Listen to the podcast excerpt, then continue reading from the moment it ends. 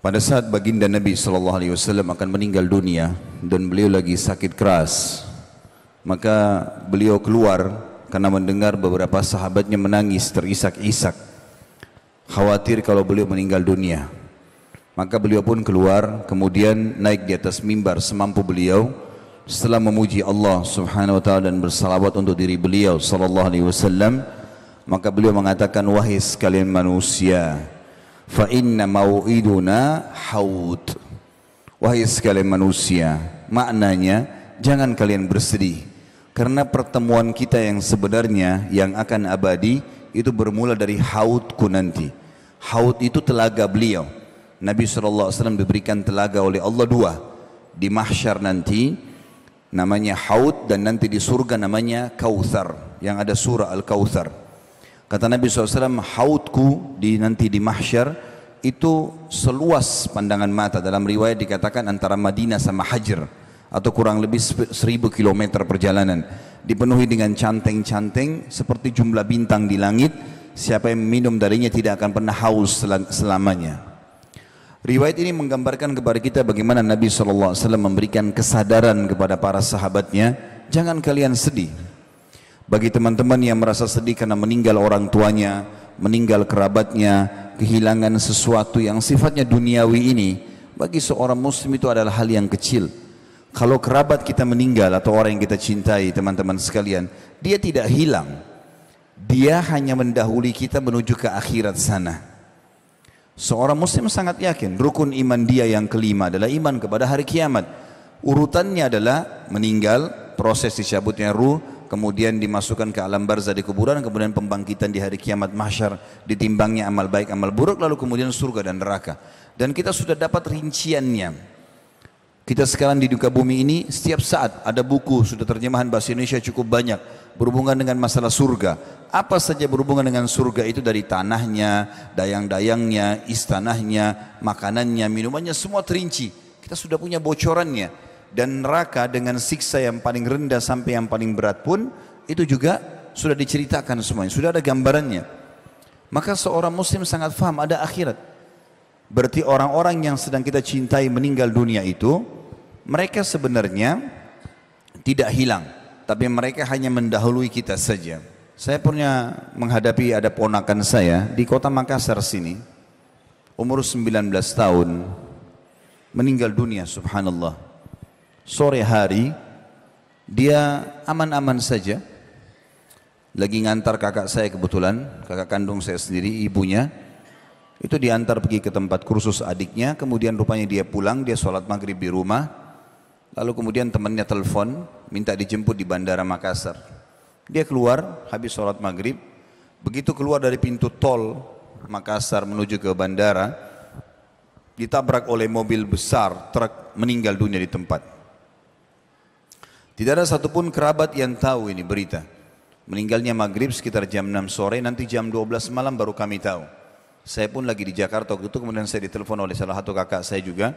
Kalau ponakan kita sudah meninggal, saya ambil pesawat pertama dari Jakarta, habis sholat subuh, ke Makassar. Begitu saya tiba di Makassar, di Panakukang Mas, tempat beliau. Kemudian saya masuk, kerabat sudah mengatakan, kakakmu ini dari tadi malam gak bisa tidur, gak makan, selalu bangun pingsan lagi, nggak ada keluarga yang bisa hadapin. Maka saya dudukkan kakak saya, saya bilang kak duduk sebentar. Begitu boleh duduk, saya bilang, betulan anak ini bernama Hamdi, rahimahullah, sudah meninggal, ponakan saya. Lalu saya mengatakan, kalimat pertama saya, Hamdi ini tidak hilang. Itu bahasa saya pertama. Karena pemahamannya, kakak saya memahami anaknya sudah hilang. Hamdi ini tidak hilang. Kok bisa? Dia tiba-tiba duduk lalu dia mengatakan, kok bisa? Bukan dia sudah meninggal? Saya bilang iya. Sebagai seorang muslim kita yakin dia tidak ada di depan mata kita sekarang walaupun sudah dikubur. Tapi kita sangat yakin akan bertemu di akhirat. Tidak mungkin tidak. Orang-orang yang meninggal terlebih dulu seperti ibu kami sudah meninggal. Ada paman kami namanya Fulan saya sebutin. Nama paman kita si Fulan, nama tante kita si Fulan. Meninggal dunia semuanya. Toh juga mereka sudah menuju ke akhirat. Dan kita sedang sedang menuju ke sana. Saya sama kakak pun ini sama-sama. Asal tiketnya sama, iman dan amal soleh nggak ada masalah. Maka akan ketemu di sana dan itu kita yakin sekali. Sebagaimana dunia ini ada, ada kehidupan akhirat di sana. terbaik kita kerjakan sini kita akan panen di sana. Faman ya'mal mithqala dzarratin khairan yara. Siapa yang buat seperti biji sawi dari kebaikan, yarahu, dia pasti akan diperlihatkan atau melihatnya. Wa may ya'mal mithqala dzarratin syarran yara. Kalau diberhentikan bacanya yarah, tapi kalau dibaca langsung yarahu. Siapa yang berbuat seperti biji sawi dari keburukan, pasti dia akan temukan dan dilihat atau diperlihatkan kepadanya. Alhamdulillah setelah itu beliau jadi faham masalah ini. Juga teman-teman itu bagi orang yang kehilangan kerabat. Kalau ada kehilangan benda, materi, seseorang kalau yakin adanya kehidupan akhirat, jadi ringan buat dia. Karena dia berpikir, oh, orang ini sekarang ambil benda saya, saya tagih dia nggak mau kasih, saya akan ambil di akhirat. Tidak ada sesuatu yang luput. Seorang muslim akan sangat tenang. Karena dia yakin ada hadis Nabi SAW, maka apakah kalian tahu siapa orang yang bangkrut? Kata para sahabat, ya Rasulullah orang yang tidak ada dirham dan dinarnya. Bisnis bangkrut. Kata Nabi SAW, bukan itu kecil. Yang bangkrut sebenarnya adalah yang datang pada hari kiamat membawa lengkap pahala solat, pahala puasa, pahala zakat. Tapi ya dia datang dari satu sisi pernah mencaci maki orang ini, pernah memukul orang itu, pernah mengambil haknya orang yang ini. Lalu mereka datang menuntut pada hari kiamat. Dan pada saat itu diberikanlah pahala-pahala dia kepada orang-orang yang menuntut ini.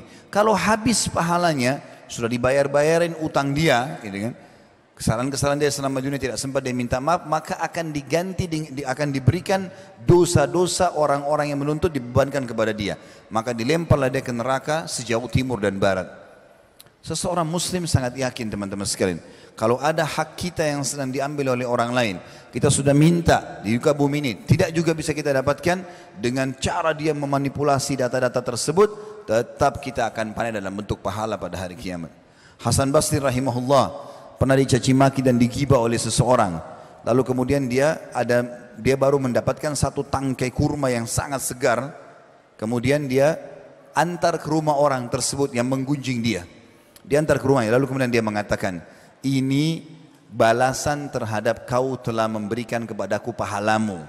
Maka aku ganti dengan kurma ini. Seorang mukmin tahu betul tentang ada kehidupan akhirat dan membuat dia tentram. Benda apa pun luput tidak ada masalah. Terlebih lagi kalau kita fahami lebih jauh lagi, kalau ada sesuatu yang kita harapkan dan belum kita dapatkan berarti belum rezeki kita. Hasan Basri berkata rahimahullah tentang masalah kenapa anda bisa zuhud di dunia. Bagaimana bisa anda ini selalu akhirat targetnya.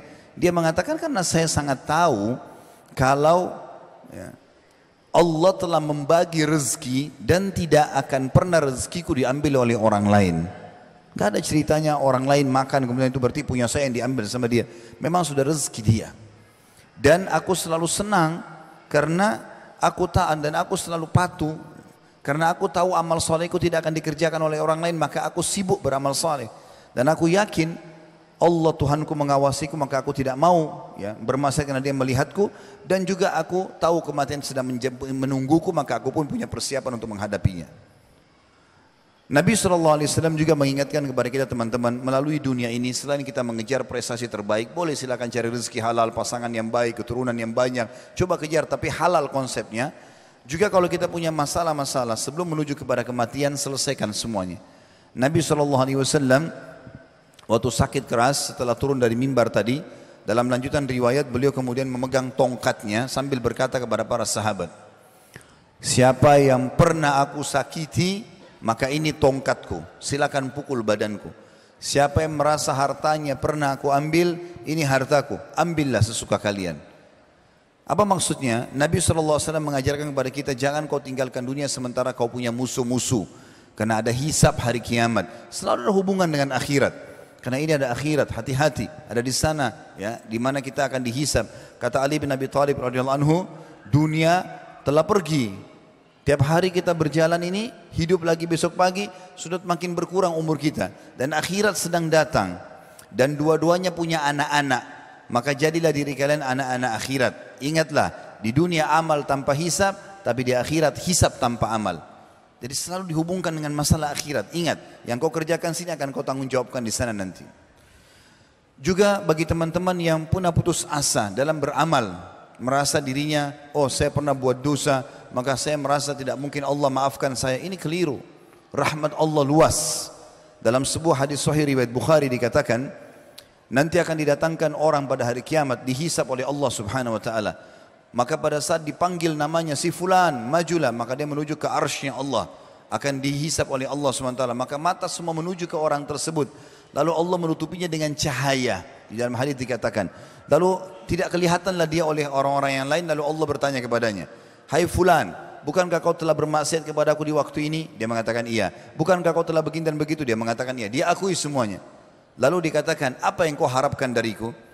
Kata, kata Allah kepada hambanya tadi. Lalu hambanya mengatakan, aku berharap pada saat kau berdosa engkau memaafkan dan engkau menutupi aibku itu. Maka kata Allah SWT, ketahuilah, aku telah memaafkan semua dosa-dosamu dan aku telah terima semua amal salihmu. Pergilah, ambil bukumu dengan tangan kananmu. Maka Allah Subhanahu wa taala rahmatnya luas sekali. Dalam sebuah hadis sahih dikatakan Allah Subhanahu kata Nabi SAW Allah menciptakan seratus rahmat kasih sayang.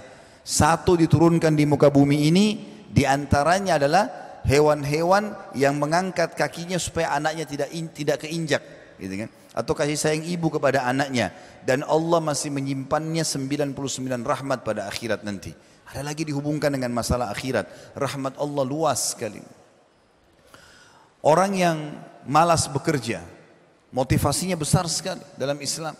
Kata Nabi SAW di muka bumi ini tanam untuk akhirat. Beliau mengatakan kalau sana di tangan kalian ada bibit tanaman dan kalian tahu besok kiamat tetap tancapkan untuk mengejar nanti akan ada nilainya di akhirat. Abdullah bin Umar radhiyallahu anhu pada saat rambutnya sudah putih semua, alisnya putih, jenggotnya putih semuanya, sudah sangat tua, hampir 100 tahun umurnya. Kemudian dia pegang bibit pohon kurma. Pohon kurma mirip dengan pohon kelapa kalau kita lama baru berbuah, gitu kan kalau masih kecil. Maka dia pun menancapkan, murid-muridnya lihat, lalu mereka bertanya, "Wahai Abdullah bin Umar, bagaimana kami memahami perilaku Anda ini?" Anda bukan menanam pohon yang sudah besar, tinggal panen. Ini pohon masih kecil, Anda sudah tua. Mungkin Anda tidak bisa menikmati. Maka jawaban dia sangat luar biasa. Dia mengatakan, kalau tidak saya nikmati, maka akan dinikmati oleh generasi yang datang setelahku. Artinya akan jadi pahala buat aku ini. Enggak ada masalah. Jadi kalau motivasi seseorang akhirat, dunia ini akan dia lalui dengan sangat mudah, ringan bagi dia. Karena dia tahu di sana ada hisapnya. Dia akan terima semua amal yang dia kerjakan. Bahkan baginda Nabi SAW mengingatkan kepada kita, ketahuilah seseorang dari kalian lebih dekat dengan surganya daripada tali sendalnya sendiri. Dan seseorang antara kalian lebih dekat dengan nerakanya daripada tali sendalnya sendiri. Gara-gara ada seorang sahabat meninggal dunia di perang Khaybar, kemudian dia baru masuk Islam, baru syahadat. Ya, lalu kemudian terbunuh. Kata Nabi SAW, siapa yang mau lihat penghuni surga yang belum pernah sujud sekalipun, ini orangnya. Baru syahadat lalu terbunuh. Gitu kan? Lalu beliau mengatakan, ketahuilah surga lebih dekat kepada kalian daripada tali sendal kalian sendiri. Azan, solat, makan, minum, pergaulan yang halal. Udah, istiqomah saja, nikmati yang halal, tinggalkan yang haram. Meninggal masuk surga. Buat masalah, gunjing orang, gibah, ngambil haknya orang lain, ambil haknya ahli waris, ribut, bohong, dusta, menipu segala macam, mati masuk neraka.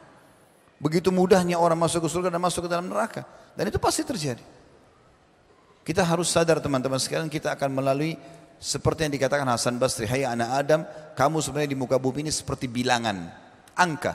Kalau bertambah satu hari, begitu kau buka matamu di pagi hari, maka berkurang bilanganmu satu. Kita sedang menuju ke sana. Maka harus kita hisap diri kita sendiri masing-masing. Ya, kita sedang menuju ke akhirat sana. Kita dengarkan bagaimana Nabi SAW mewasiatkan kepada kita tentang masalah perumpamaan bumi ini atau dunia ini. Kebanyakan orang sibuk mengejar tanpa mengenal mana halal, mana haram. Padahal sebenarnya teman-teman kalau kita melihat dunia ini kecil sekali ya. Kalau kita lagi naik pesawat, mobil-mobil yang mewah pun yang biasanya kita bangga-bangga di sebelahnya, kalau sudah di atas pesawat kelihatannya seperti gentong-gentong kecil gitu kan. Mungkin orang punya berlian sebesar bola basket pun kalau orang mungkin kecil seperti cincin saya sudah sangat mahal. Kalau seperti bola basket sangat besar, tapi kalau orang naik di atas pesawat melihatnya maka tidak kelihatan lagi tanah yang diperebutkan kepada ahli atau dengan ahli waris sampai tumpahkan darah. Itu juga kalau kita di atas pesawat kita lihat sangat kecil, nggak ada nilainya. Bahkan subhanallah pada saat kita meninggal tidak ada yang ikut semua itu. Apa yang selama ini diperebutkan, diambil haknya orang yang tidak akan ikut. Kata Nabi SAW, kalau anak Adam meninggal dunia akan ikut kepadanya tiga di kuburannya. Amalnya, ya, kemudian hartanya dan keluarganya akan pulang dua. Keluarganya akan pulang, Walaupun cinta seorang suami pada istri, istri pada suami, orang tua pada anak, tidak akan nginap sehari di kuburan itu. Akan pulang, meninggalkan kita nanti. Hartanya walaupun mewah mobilnya akan parkir di pagar kuburan. Habis itu dibawa pulang jadi warisan. Yang tinggal bersama kita amal. Lihat bagaimana Islam datang memotivasi. Ada akhirat, ada akhirat. Kejar di sana. Dunia tetap cari yang terbaik tapi yang halal. Nikmati sebatas memang yang dibolehkan oleh Allah. Setelah itu kita menuju kepada akhirat. Jadi bukan masalah target di sini. Karena kalau sudah target, yang jadikan target maka kita lupa ada akhirat, maka kita akan sikut sana, sikut sini, haknya orang lain diambil tanpa peduli mana halal, mana haram. Ada orang dari pagi bangun tidur sampai tidur lagi, itu kerjanya cuma cari musuh, cari haknya orang lain, tidak pernah berpikir untuk diri dia sendiri karena tidak ada fikiran masalah adanya akhirat ini. Dalam sebuah hadis yang perlu kita renungi adalah hadis riwayat Imam Ahmad, kata Nabi SAW, Inna mat'am abni Adam ju'ila mathalan di dunia. Ketahuilah, makanannya anak Adam itu dijadikan perumpamaan terhadap dunia ini. Wa in kazzahahu wa mallahahu Walaupun makanan itu sudah dibumbuhi, sudah ditaruh garam, sudah terasa enak. Fandur ila ma yasir. Lihat nanti jadi apa itu. Tetap akan jadi kotoran. Gitu. Maka Nabi SAW memberikan perubahan. Itulah dunia, seperti itu. Walaupun kita hiasi, kita bagusin segala macam, toh akan ditinggalkan. Toh akan hancur hari kiamat.